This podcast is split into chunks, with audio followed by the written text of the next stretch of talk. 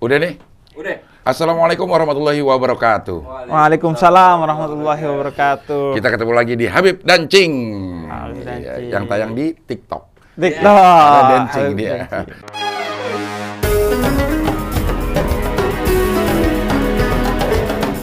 Apa kabar, Bib? Alhamdulillah baik. Alhamdulillah. Gimana kabar, Cing? Alhamdulillah baik ya. Jadi eh, konten ini Habib dan Cing kita mencoba mengaji ya, istilahnya ngaji ya, ngaji eh, membahas eh, surat-surat yang biasa kita baca. Kita baca. Tapi kadang kita lupa atau malah nggak tahu apa sih maksud yang terkandung dalam surat itu. Mm-mm. Kemarin kita udah Al-Fatihah. Sudah Al-Fatihah. Sekarang yang paling sering, paling populer juga nih, Al-Ikhlas. Kulhu, Kulhu, kulhu, kulhu. surat Kulhu. Al-Ikhlas. Al-Ikhlas. Iya. Kulhu Biasanya itu emang- katanya surat surat ke 112 dan surat Makiyah. Itu maksudnya apa sih, Bi? Surat Iya. Makiyah. Iya, memang eh, Al-Ikhlas ini memang biasanya paling ikhlas buat dibaca. Iya. Karena apa? Dikit, Pendek, iya. pendek. Jadi dulu di kampung tuh gitu, Cing. Eh. Jadi kalau jadi makmum sholat tarawih, Eh. kemudian sholat eh, rakaat pertama panjang, dia Benar. baca surat panjang. Iya. Terus rakaat kedua biasanya amin setelah fatihah langsung dia kulhu. Iya. Itu kan. suruh, suruh baca kulhu. imamnya. Malaikat juga udah hafal ya. kulhu, kulhu. lagi, kulhu lagi. Terus imamnya baru di- Iya, iya. diingetin biar gak panjang. Nah, eh, dia surat makiyah. Iya. Surat makiyah itu menurut sebagian ulama adalah surat-surat yang turun ketika Nabi masih di Mekah, Masih di di Mekah. periode awal. Hmm, berarti periode sebelum hijrah. Hijrah ke kan sempat Madinah. balik kan ke Mekah. Iya, sempat Tapi ini yang turun Ini yang sebelum turun hijrah. sebelum hijrah. Oke. Ada juga yang meng- eh, mengklasifikasikannya karena itu karakternya tersendiri. Ada karakter tersendiri. Surat Makiyah itu? Makiyah. Oke. Nah, apa maksudnya di awal dan dengan karakter sendiri? Maksudnya dia ber- lebih banyak berbicara tentang dua tema. Pertama adalah akidah, yang kedua akhlak. Oke. Kenapa? Karena dasar agama itu kan itu, akidah dan akhlak. Iya. Nabi itu diutus untuk akhlak dan pertama sebelum kita bicara agama, agama ini dari siapa sumbernya? Iya. Dari dari Nabi. Iya. Nabi ini adalah utusan Allah. Nah, kalau kita nggak percaya kepada Nabi eh, sebagai utusan Allah, apalagi nggak percaya kepada Allahnya, ya percuma Quran. Seperti orang-orang kafir akan bilang, ah itu buatan Muhammad Iya. tuh. Karena dia nggak percaya. Makanya dimatengin dulu di periode awal Islam, di ayat-ayat pertama, imannya dulu nih ditumbuhin Hmm. agar kamu eh, berislam itu dengan iman yang kokoh. Hmm. Karena banyak eh, bagian dari Al-Qur'an dan dari Islam secara umum itu yang sifatnya ta'abudi. Hmm. Ta'abudi itu artinya tidak bisa dirasionalkan, Oh. butuh ketaatan. butuh keimanan juga berarti Keimanan. untuk mempercayai itu ya. Iya, Iya, iya, iya. ketaatan yang berbasis ke keimanan. Keimanan. Ada yang ta'akuli, yang ta'akuli itu yang rasional. Oke. Misalnya Islam melarang kita membunuh orang lain. Hmm. Kenapa? Karena membunuh orang lain itu adalah tindak kekejaman. Iya. Nggak usah pakai Quran, nggak usah pakai hadis juga kita nggak akan bunuh orang lain Iya. gitu. Nah ada yang sholat gerakannya seperti itu, itu kan nggak bisa dirasionalkan. Iya. Kenapa? Mungkin ada hikmah-hikmah yang terkandung. Ketika kita sujud, artinya kepala kita yang paling terhormat ditaruh di tanah Tanah ya. sebagai bentuk ketundukan kita bahwa manusia ini rendah. Itu hanya hikmah, Hmm. tapi bukan eh, itu utamanya Hmm.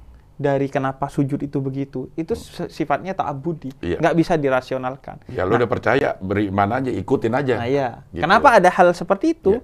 Karena Allah ingin ketaatan kita itu utamanya pada Allah, bukan pada akal kita. Oke. Kalau semuanya bisa dirasionalkan, ya berarti kita taat sama akal.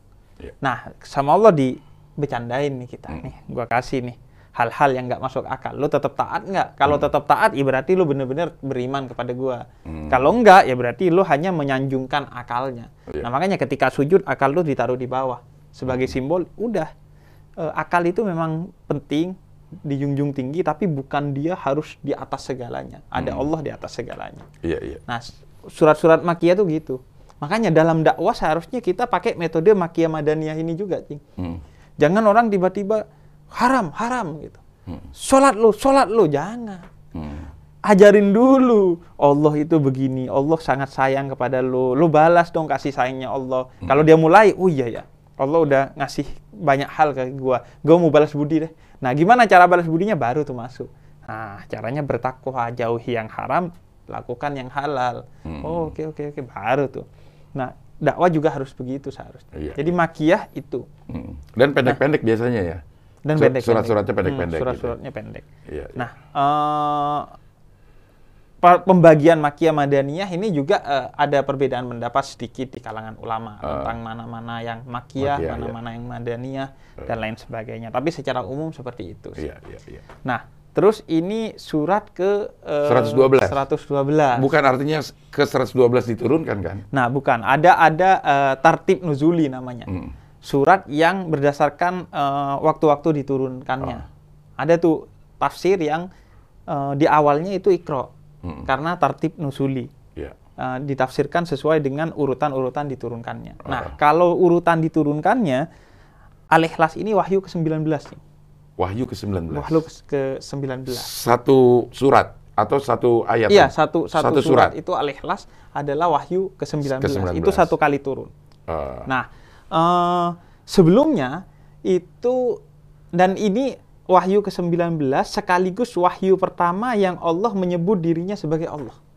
Oke. Sebelumnya Allah gak nyebut dirinya sebagai Allah. Misalnya ayat eh, wahyu pertama, Iqra bismi rabbikal lati khalaq. Robbi. Rob. Kemudian eh, ayat ini nun misalnya ya. Ah. Nun wal qalami wa ma yasturun ma anta binikmati rabbika bimajnun. Hmm. Itu sebelum juga Al-Ikhlas. al-ikhlas. Ah, Pakainya rob Tuhan. ah. Nah, kenapa? Karena orang dulu yang menyembah berhala itu juga menyebut berhalanya sebagai Allah. Kemarin kita bahas tuh di Ya. surat Al-Fatihah. Ya. Mereka juga Allah katakan di Quran, mereka juga menyebut Allah. Mau orang Kristen, orang Yahudi, orang musyrik semua ini Allah. Iya. Jadi kalau sekonyong-konyong kemudian Allah bilang Iqra bismillah, maka dia akan menyangka, oh sama nih Allahnya. Hmm. Karena dia juga nyembah Allah. Oke. Nah, makanya di awal Allah tekankan Bismi Rabbika dengan nama Tuhanmu wahai Muhammad. Artinya bukan Tuhannya dia ya. Iya. Bukan dua, Tuhannya si A, si B, si C dan lain sebagainya. Jadi Allah tegaskan nih dulu di 18 ayat pertama Eh. bahwa Tuhannya Nabi Muhammad beda dengan Tuhannya eh, yang disembah oleh banyak orang. Yang udah terdahulu lah. Yang udah terdahulu. Di Mekah ya. Iya. di Mekah. Karena kita juga kan kemarin belajar bahwa Rob itu artinya sesembahan. Iya.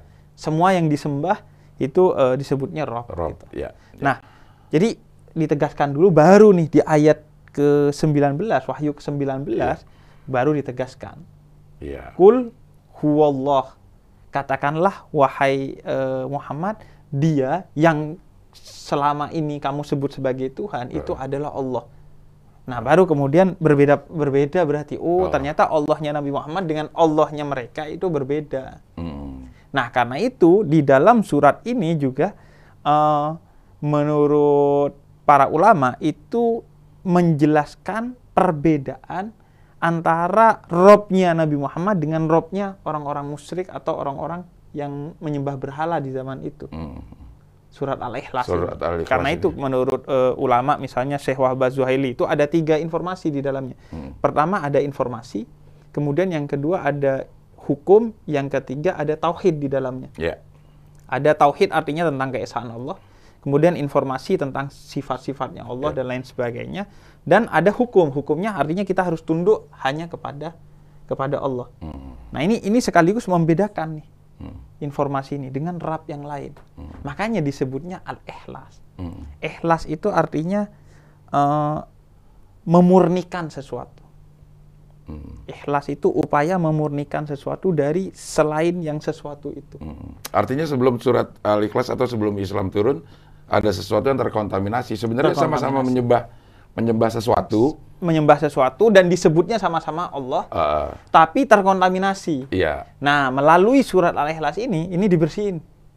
Oke. Makanya coba dilihat surat Al-Ikhlas itu semua isinya eh, membenarkan apa membenar eh, mem- membersihkan Eh. dari segala sesuatu yang mengkontaminasi sesembahan mereka. Eh, eh, Misalnya eh, katakanlah dia Allah yang Maha Esa. yang Maha Esa. Iya. Jadi kalau orang-orang musyrik itu Tuhannya nggak Esa. Ba- Banyak patung dulu di Banyak patung. Ka'bah bahkan banyak gitu ya. banyak patung. Ada kemudian misalnya ada Tuhan kebaikan, Tuhan keburukan. Iya. Ada Tuhan yang ngurusi ini, Tuhan yang ngurusi itu gitu, dewa-dewa dan lain sebagainya. Nah, ini dibersihkan. Enggak, Tuhan itu esa. Eh, nggak ada job desk-nya. Oh job desk-nya ini ini nggak ada. Ya satu itu Satu aja. itu. Iya. Nah kemudian eh, dia tidak beranak dan tidak pula diperanakkan. Nah, Karena banyak di zaman itu yang Iya. menganggap Tuhan itu adalah eh, diper, em, diperanakkan Iya. atau memperanakkan. ada keluarga Tuhan lah. Ada keluarga Tuhan. Iya, Nah ini jadi dibersihin tuh Iya, iya, iya, semua.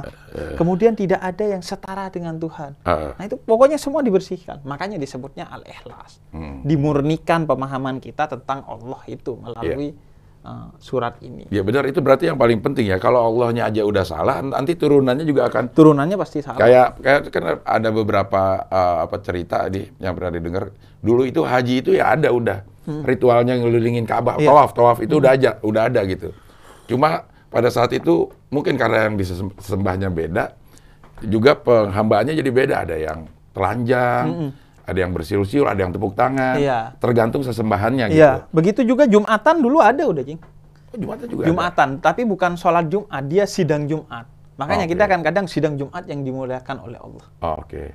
Atau sidang Jumat yang berbahagia. Ya. Kadang orang agak kesel tuh, sidang Jumat yang berbahagia. Iya. Lagi punya utang, lu bilang Iya. bahagia. Bahagia dari Hong Kong.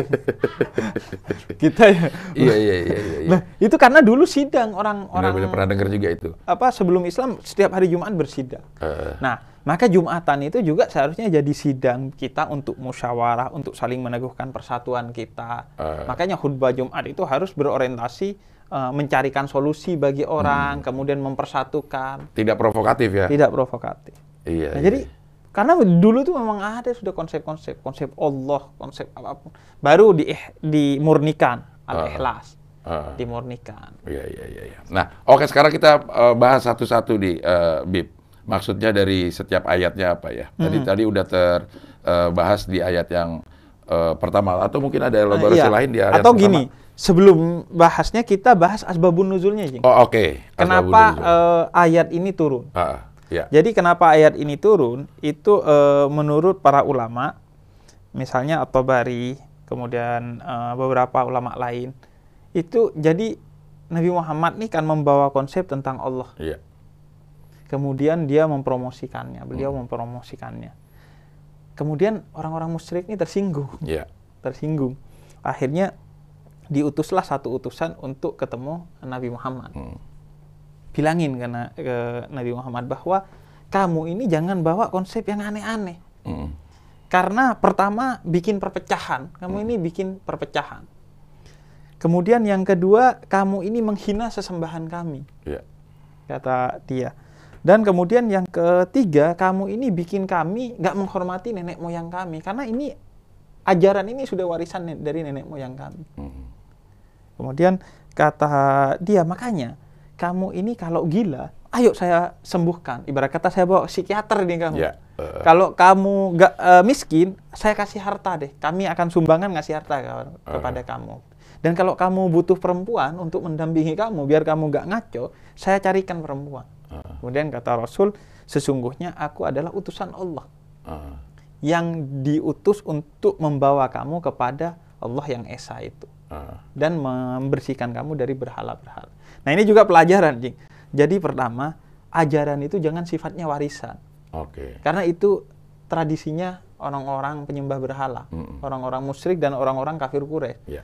Jangan, kenapa lu begini? Iya, bapak gue Bapak begini. gua begini. Tapi lu gak tahu maknanya. Akhirnya ya udah, Iya. agama dijalani tanpa makna. Iya. Jadi jangan jadikan agama itu warisan, harus dipelajari. Hmm. Kemudian yang kedua, jangan tersinggung pada ajaran-ajaran agama lain yang menurut kamu menyinggung. Karena lakum dinukum waliyadin. Hmm. Ya. Setiap agama itu punya konsepnya sendiri, jangan tersinggung. Jangan misalnya tersinggung pada konsep eh, kemarin kita bicara, Hmm. Allah menurut orang Kristen itu begini-begini. Kita jangan tersinggung karena itu agama dia.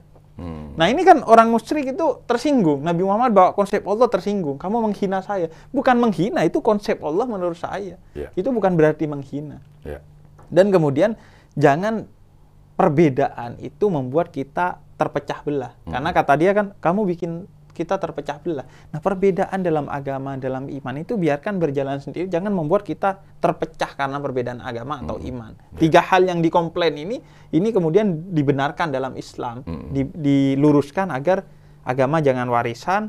Kemudian jangan perbedaan iman membuat perpecahan.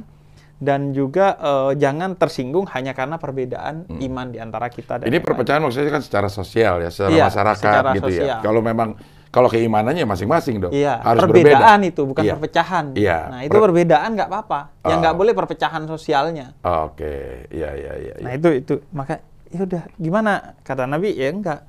Oh, saya saya bukan orang gila dan saya nggak butuh wanita apalagi Harta, duit. ya. Enggak, saya nggak butuh. Ya udah hanya balik lagi nginfoin Hmm. ke geng musyrik ini. Ya udah bilang aja kalau gitu gini eh wah diutus lagi tuh Hmm. utusan orang musyrik ke eh, Nabi Muhammad. Lanjutan dari asbabun nuzulnya bahwa eh kalau begitu rob-robnya kamu ini apa sih? Kamu kemarin Tuhanku, Tuhanku, Tuhanku. Siapa Tuhanmu ini? Hmm. Maka kemudian Jibril turun memberikan ayat ini. Oke, untuk Ul- menjawab untuk menjawab pertanyaan-pertanyaan Nah, itu, Kemarin ya. nih kan saya sudah kasih konsep tentang Iya, Tuhan. iya. Nah, Tuhan menurut saya itu siapa? Nah, Al-Ikhlas ini Hmm. menjelaskan dasar-dasar dari ketuhanan. Iya. Nah, kalau ini dilihat dari kalau Al- eh, Al-Quran secara keseluruhan, banyak surat yang memang menjawab eh, pertanyaan-pertanyaan atau situasi saat itu ya, Bib? Iya, banyak. Oke. Banyak. Dan beberapa, misalnya itu bukan hanya tradisi Nabi Muhammad. Nabi Ibrahim juga berdebat dengan penyembah-penyembah berhala yang diabadikan dalam Al-Quran. Oke. Kamu nyembah matahari. Matahari aja, adanya siang doang, kata Iya. Nabi Ibrahim. Heeh. Malam nggak ada. Masa Tuhan lo eh inian sih, apa, sip-sipan gitu. Sifan, ya. Dia Nah, itu- terbit di ufuk timur, tenggelam di ufuk barat. Kenapa matahari tenggelam? Karena dia nggak bisa berenang katanya. Jadi tenggelam, iya iya iya Iya, iya iya, iya. iya iya. iya.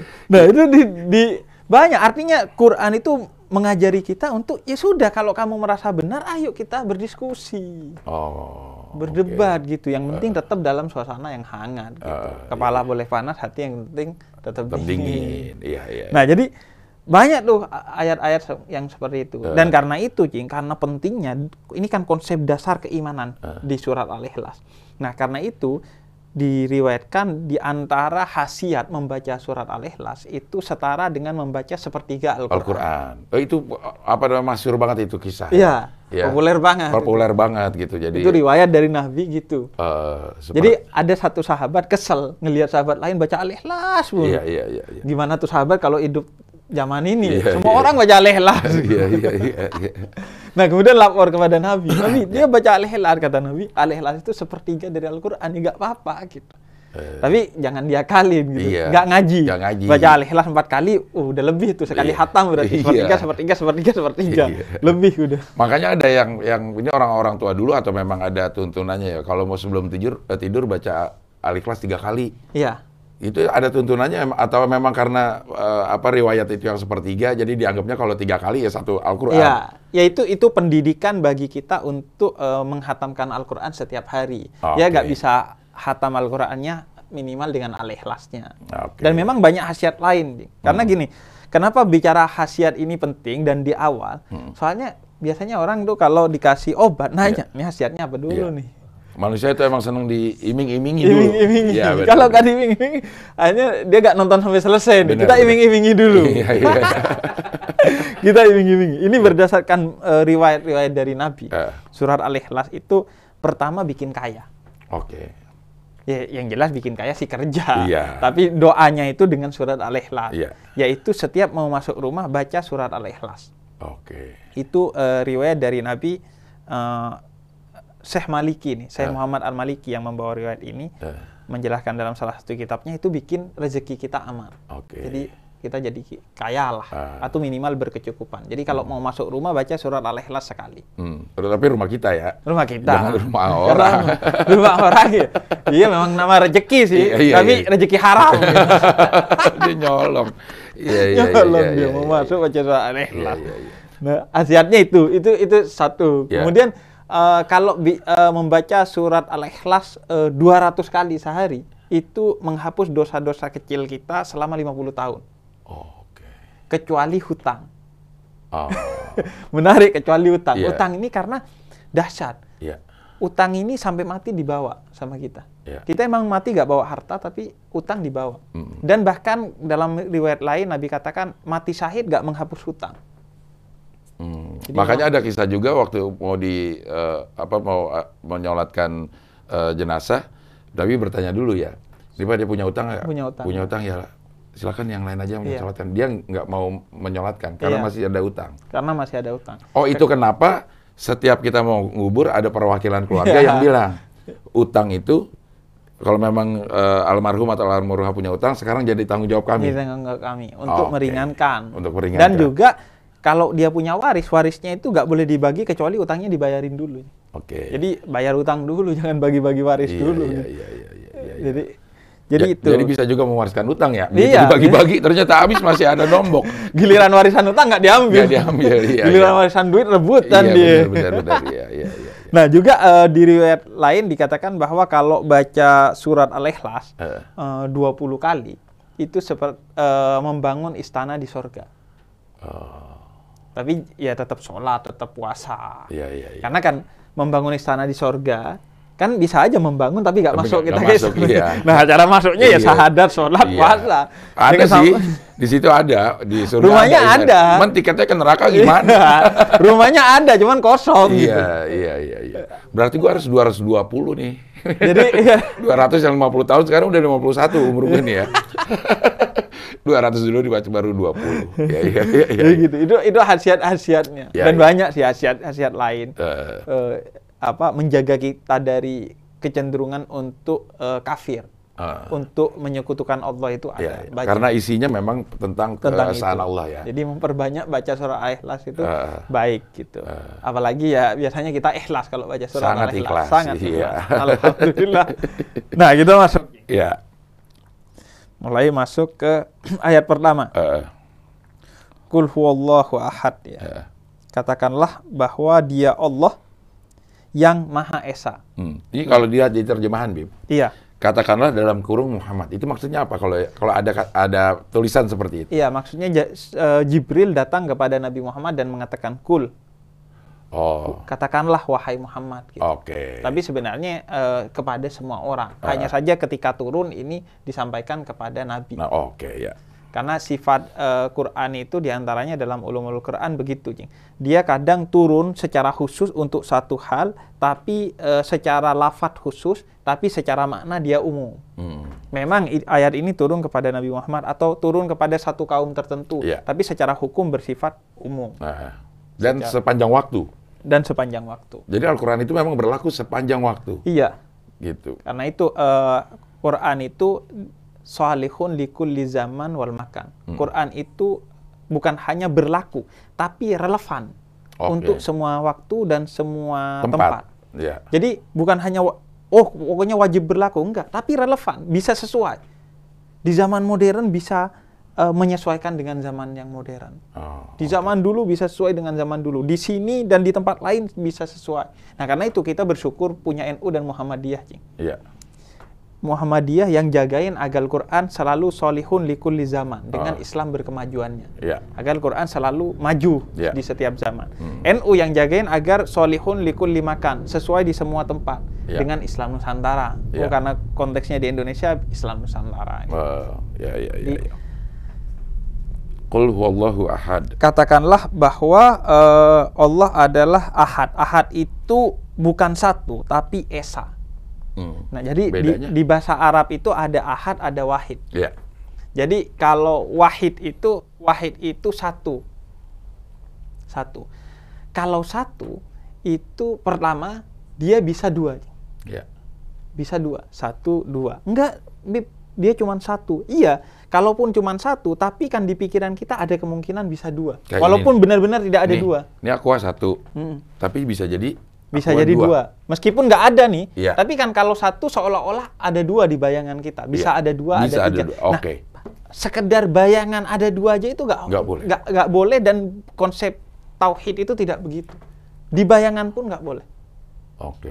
nanti kita kita bahas tuh Iya. di eh, ayat selanjutnya ada pembahasan soal itu Ah. nah itu yang pertama jadi makanya dia ahad esa Esa. esa itu juga berarti bahwa eh, kalau aqua ini misalnya ini aqua bayar Enggak, ini enggak, enggak. Iya, iya. Berarti dia rezeki dia dah. Iya, iya. rezeki dia ada Iya, ya. iya, Kita iya. bagi-bagi rezeki. Ah, ah, ah. Jadi kalau aqua, cing, eh, dia satu, kalau wahid dia kalau dalam bahasa Arab. Kalau wahid itu dia satu tapi terdiri dari banyak hal. Oh, oke. Jadi ada Tutupnya. tutupnya, ada plastiknya, ada Tutupnya bisa airnya, dibuka ada botolnya, Tutupnya ya bisa dibuka. Iya. Airnya juga Ini bisa diminum. Ini juga bisa contoh. Iya. Satu nih ya, ini Eh, oh, ada airnya. Ada air bisa diminum. ya. Hmm. Nah, Kopinya nih. satu ya, Iya. tapi terdiri dari cangkir, Iya. dari kopi, dari air, dari gula. dari gula. Oke, itu satu. Terdiri. Satu tapi terdiri dari banyak hal. Ya. Nah, kalau ahad, esa, itu pertama satu dan gak ada yang lainnya, Hmm. baik di pikiran apalagi di kenyataan. Dan yang kedua, dia tidak terdiri dari apa pun. Nah, itu aja. Itu aja. Allah. Zat Allah itu aja. Zat Allah itu itu. Oke. Ya. Kul huwallahu ahad. Karena itu di ayat selanjutnya kita lanjut, Cing. Iya. Karena ini terkait sekali. Mm. Kul huwallahu ahad, Allahus samad. Mm. Nah, karena itu somat, somat itu di antara artinya, misalnya Sat Quraisy itu menjelaskan di antara arti somat itu artinya sesuatu yang utuh dan gak ada lubangnya lagi. Mm. Jadi ada sesuatu yang bisa masuk. Mm. Somat itu. Jadi gak ada yang Nggak bisa masuk, gak ada yang bisa keluar. Iya. Jadi kalau pori kita kita berkeringat artinya ada pori-pori, ada lubang. Mm. Itu Allah utuh yang tidak ada lubang sehingga tidak ada yang bisa keluar dan tidak ada yang bisa masuk. Nggak bisa nambah, nggak bisa kurang Iya. berarti. Jadi saking satunya dia. Iya. Somat itu di antaranya pengertiannya seperti itu. Eh. Makanya dia tadi nggak terdiri dari apa pun. Dia itu satu dan nggak ada lubangnya. Nggak ada yang bisa yang mengkontaminasikan apa pun. Eh, Karena itu somat ini konsep bahwa Allah itu nggak terkontaminasi oleh apa pun. Oke. Iya, iya. Nah. Tapi kalau di terjemahan di Bib, tempat meminta segala sesuatu. Nah, itu- iya. Somat itu juga berarti itu. Iya. Somat itu juga berarti bahwa eh, Allah tempat memohon segala sesuatu, tempat kembalinya segala sesuatu. Oh, Jadi artinya bahwa segala sesuatu itu ya ujung-ujungnya adalah Allah. Kita merencanakan apa pun kalau Allah tidak mentakdirkan ya gak kira jalan. Nah begitu juga ketika kita memohon, memohon itu harus hanya kepada Allah, tidak kepada selain Allah. Ini sekaligus mengkritik orang-orang musyrik yang dulu eh, Tuhannya itu punya makelar-makelar. Oke. Jadi kalau mau, mau mohon ke Allah harus lewat para malaikatnya. Oke. Oh kalau mau mohon ke Allah harus lewat ini dan itu, harus lewat perantara. Eh. Nah itu dikritik. Kata dia, kita bisa langsung eh, kepada Allah memohon dan kemudian hanya kepada Allah kita memohon dan hanya Allah yang bisa memberi kepada kita. Ah, Nah, kalaupun lewat perantara-perantara, perantara-perantara itu berdasarkan ketentuan-ketentuan yang telah diberikan oleh Allah. Oke. Misalnya eh, sembuh lewat dokter. Ya karena memang sunnatullah begitu. Allah yang bikin juga kesembuhan itu lewat dokter. Ya. Eh, kemudian memin- menurunkan berkah lewat orang-orang yang dikasihinya, orang-orang soleh. Itu juga ketentuan dari Allah. Hmm. Nah jadi udah gak ada makelarnya nih Allah Allah. Jadi memohon hanya kepada Allah.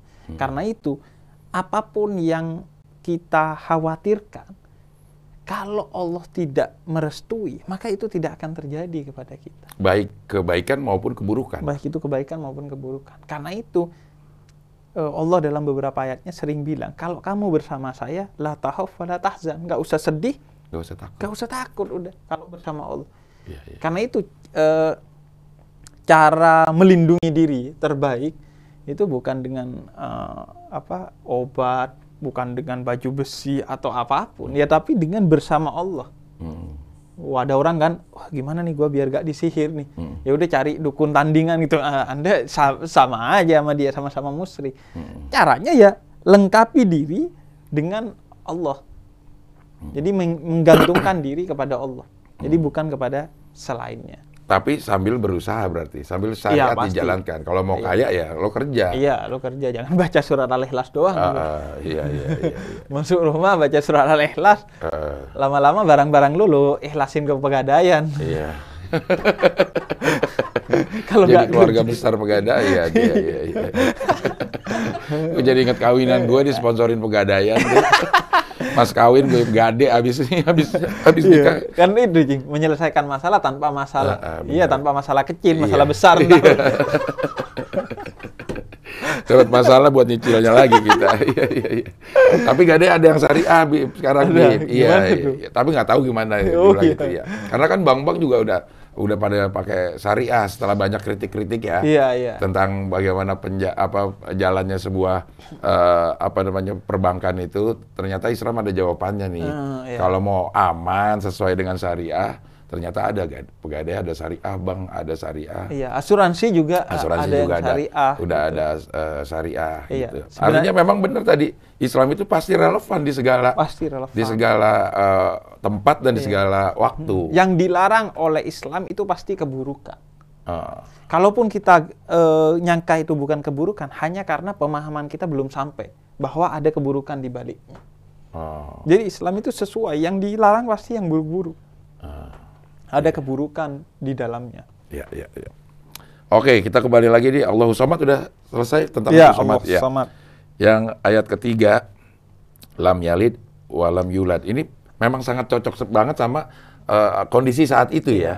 Kondisi saat itu, saat Tuhan mereka masih banyak dan merasa Tuhan juga ada anaknya, ada Ada anaknya. ada gerombolan-gerombolan Tuhan yang, Iya. yang ini ada maklar-maklar tadi Iya. gitu. Nah, ini keluar Jadi lam memang benar. yalid walam yulad. Eh. Menurut Ibnu Abbas itu kritik Eh. kepada eh, orang-orang yang kata Cing Abdel itu menganggap ada anak Tuhan, Eh. menganggap Tuhan diperanakan. Eh. Makanya kata Ibnu Abbas, maksudnya Tuhan itu tidak diperanakan, dia bukan seperti eh, Sayyidah Maryam. Ah, Maksudnya Tuhan tidak beranak, dia tidak seperti Sayyidah Maryam. Ah. Sayyidah Maryam ini kan udah keren banget. Cing. Mukjizat banget, gak ada lakinya bisa punya anak. ya. Di zaman dulu. kan. Ah. Di zaman sekarang sih ada, Ah. nggak ada lakinya dia Kabur punya tapi, anak. tapi bukan kabur. karena ini, karena zina dia. Iya, Kamu la- lakinya kabur Iya. ya, gitu ya. Buron. atau buron kabur Iya. gitu. Nah, eh, jadi dia bukan seperti Sayyidah Maryam. Ah. Padahal Sayyidah Maryam ini nggak ada lakinya, itu mukjizat. Tapi Allah bukan seperti dia. Hmm, Jadi Allah ini betul-betul tidak beranak hmm, dan juga tidak diperanakkan. Mm-mm. Seperti ke- di antaranya yang yang dikritik itu adalah eh, orang-orang saat itu menganggap malaikat itu adalah anaknya Allah. Oke. Malaikat itu adalah anak-anaknya Allah. Nah, Ah. itu dikritik oleh Quran. Allah itu nggak punya anak. Dia bukan hanya tidak diperanakkan, dia juga nggak punya anak. Termasuk juga ada orang-orang yang Yahudi, Yahudi yang meyakini Uzair Ah. itu sebagai anak Tuhan. Itu Ah. enggak Tuhan nggak punya anak. hmm. Jadi dia eh, suci, murni dari ber- diperanakkan ataupun memperanakkan. Hmm. Iya, Jadi itu itu itu kritik tadi yang dijelaskan membersihkan Iya. dari eh, semua eh, pemahaman-pemahaman tentang Allah yang ada di masyarakat masyarakat musyrik pada saat itu. Ah, Jadi itu sekaligus eh, diteguhkan saat itu. ah. Jadi dia tidak beranak dan tidak diperanakkan. peranakan. Ya. Lam yalid walam yulad. Walam yakulahu kufuwan ahad. Nah, dan dia dan tidak ada sesuatu pun yang setara. Iya. Kufuan ahad. Kufu itu kan setara. Sekufu gitu ya. Sekufu itu Iya. biasanya kita kalau nikah gitu. Iya, sekufu. kalau bisa yang sekufu lah. Iya, gitu. Iya, kalau eh, sekufu tuh eh, kalau lu miskin cari yang kaya kalau bisa itu sekufu artinya. iya. saling melengkapi ya. Maksudnya saling melengkapi. Iya. Karena kalau eh, se- sekufu itu miskin ketemu miskin kayak tulang ketemu tulang. iya, iya, iya, iya, iya. Kata, iya. kata orang Madura seperti jangkar, gampang aja pedot gitu. Ah, Karena iya. tulang ketemu tulang. Iya, iya. Sekufu bisa jadi saling mengisi. Saling mengisi ya. Yang miskin sama yang kaya. Iya, jadi yang miskin ke bawah kaya, yang kaya ke bawah miskin. Iya. yang penting saling melengkapi lah. Saling ya. melengkapi. yang penting. jadi Yang- sekufu, yang- sekufu yang istilah yang pernikahan itu bukan bukan harus sama bukan kongruen gitu ya sama sebangun artinya bukan ya? artinya s- maksudnya eh, sepemahaman Iya. agar eh, tidak terjadi mispemahaman gitu Iya, iya, Nggak iya. terjadi kemudian perbedaan yang menyebabkan rumah tangga itu pecah Oke, ya, jadi ya. harus kalaupun di antara per- berbeda kayak miskin nggak apa-apa yang penting dia merasa ini setara dia jodoh saya gitu. Hmm, sepama- sepemahaman itu yang yang paling Iya, penting ya. paling ya, penting. ya, ya. Nah, Allah itu tidak ada yang setara dengan Allah Subhanahu wa taala. Ah. Di ayat ini itu eh, dikritik. Walam yakullahu kufuwan ahad. Tidak ada yang sekufu Eh, dengan Allah.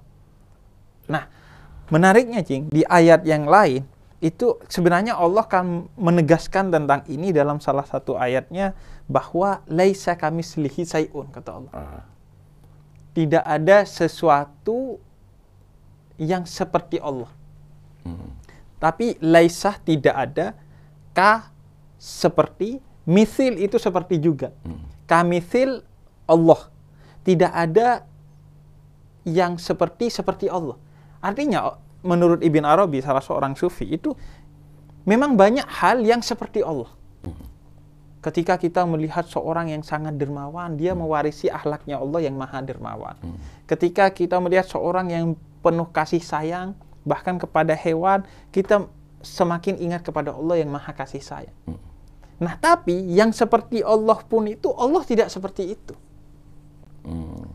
Karena itu tadi kita sempurnakan bahwa tadi kan saya bilang bahwa Allah itu gak ada sesuatu yang setara di luar Ya. seperti Allah, bahkan di pikiran kita. Makanya Allah kan eh, punya berbagai sifat dan nama. Allah itu maha ini dan maha itu. Nah itu kan mulai kita. Wah Allah itu maha dermawan, maha perkasa. Maha. Itu mulai ada bayangan kita tentang Allah. Kata Allah tidak seperti itu tapi. Tidak seperti yang kamu bayangkan. Bahkan membayangkan pun itu tidak seperti itu dan tidak boleh. Gitu. Hmm. Jadi nggak nyampe juga kita. Nggak nyampe walaupun sekedar kita. sekedar bayangan. Kapasitas otak kita nggak akan sampai. Karena itu otak itu hanya eh, diperintahkan oleh Allah berpikir tentang eh, ciptaannya Allah, gejala-gejalanya aja. Tapi kalau zatnya Allah nggak bisa dipikirkan dan nggak boleh dipikirkan. Ah. Makanya untuk meyakini Allah, pikirkan ciptaannya. Uh. Ini bumi sebegitu teraturnya dan indahnya, masa gak ada yang nyiptain gitu. Iya, uh. Mall aja gituan ada yang bangun Benar, gitu, ada yang iya. ngurus. Pernah satu orang mau debat dengan orang ateis, Eh, tapi harus eh, nyebrang sungai dulu Uh. kalau mau ke sana. Akhirnya dia dia janjian jam 3 datang jam 4. Wah, gimana kamu menyembah Tuhan tapi jadwal aja kamu terlambat. Oh, Hmm. maaf, saya tadi mau nyebrang sungai gak ada perahu kata dia. Terus gimana kamu nyebrang? Akhirnya ada pohon jatuh jadi perahu kata dia. Akhirnya saya naikin. Hmm. Loh, ah, nggak mungkin. Mana ada ada pohon jatuh jadi perahu kata Hmm. dia. Loh ya sudah, kalau pohon aja jatuh gak bisa jadi perahu, harus ada yang bikin. Apalagi bumi dan seisinya ini. Hmm. Pasti ada yang bikin. Oh, ya Iya. juga. menjawab ke ateisannya langsung. menjawab Iya, iya, dia iya. iya. secara tidak langsung. Ah. Nah itu bumi yang teratur itu dipikirkan oleh akal. Oh iya, nggak mungkin, nggak ada yang menciptakan. Karena mereka yang ateis juga nggak bisa membuktikan bahwa Tuhan itu tidak, Tidak ada. Sama-sama udah. Iya, iya, iya. Makanya di antara eh, apa sesuatu yang menyebabkan kita menyembah Allah, yang paling cetek aja itu logikanya logika untung rugi deh logikanya. Misalnya gini, Cing. Eh, aneh bilang, Cing, di, di pintu keluar studio kita itu ada bom. Ah. Jadi jangan keluar lewat sana, Cing. Hmm. Di sini ada jendela. Hmm. Maka kita secara manusiawi pasti akan milih lewat jendela aja, Iya. biar aman aja. Iya. Kalaupun di sana nggak ada, apa salahnya lewat Iya. jendela nggak ada Udah pasti ribet-ribetnya. aman. Udah pasti aman. Iya. Nah itu begitu juga Allah. Sama-sama belum menurut dia belum tentu ada dan dia gak bisa meyakini bahwa ada ya udah anggap aja ada. Toh gak rugi. Toh semua yang diperintahkan Allah ini baik. Oke. Ngapain? Ya udah jalani aja semua perintah Allah. Toh tadi kita tahu bahwa semua perintah Allah itu isinya kebaikan. Kebaikan. Jadi ya udah jalankan. Yang dilarang udah pasti keburukan. Udah pasti keburukan. Eh, Dan eh, apa? Karena itu tujuan-tujuan syariat itu kalau kita nggak mau mempelajari syariatnya satu persatu, kita lihat aja tujuan dari syariat Islam itu semua tujuannya untuk menjaga kebaikan. Pertama misalnya hifdun nafas, menjaga nyawa agar orang tidak membunuh, agar orang tidak melukai, menyakiti. HAM juga akan bicara itu hifdun nafas, hak asasi manusia. Iya. Kemudian hifdul akal menjaga akal Iya. agar akal ini secara, lo- seca- menjadi logis, Iya. rasional. Makanya umat Islam harus logis dan rasional gitu. Jadi semua hifdul bi'ah menjaga lingkungan. Hmm. Apa eh, seperti orang-orang sekarang kan ada gerakan menjaga lingkungan, menjaga binatang dan lain Iya. sebagainya. Jadi semua tujuannya baik.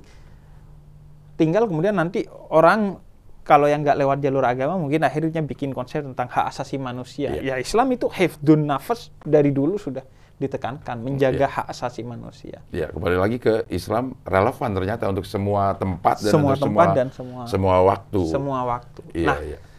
Da- mak- makanya eh, dari sana kata Allah yang menyerupai sesuatu itu itu bukan Allah. Mm-mm. Walaupun itu menyerupai. Melihat ulama kita kan ingat kepada Allah, tapi Allah tidak sesuai bahkan yang ada di bayangan kamu. Mm-mm. Dia tidak seperti yang seperti Allah pun. Mm-mm. Karena tasawuf itu kan uh, menurut Ibn Arabi ya takhallaku bi ah- ahlakillah.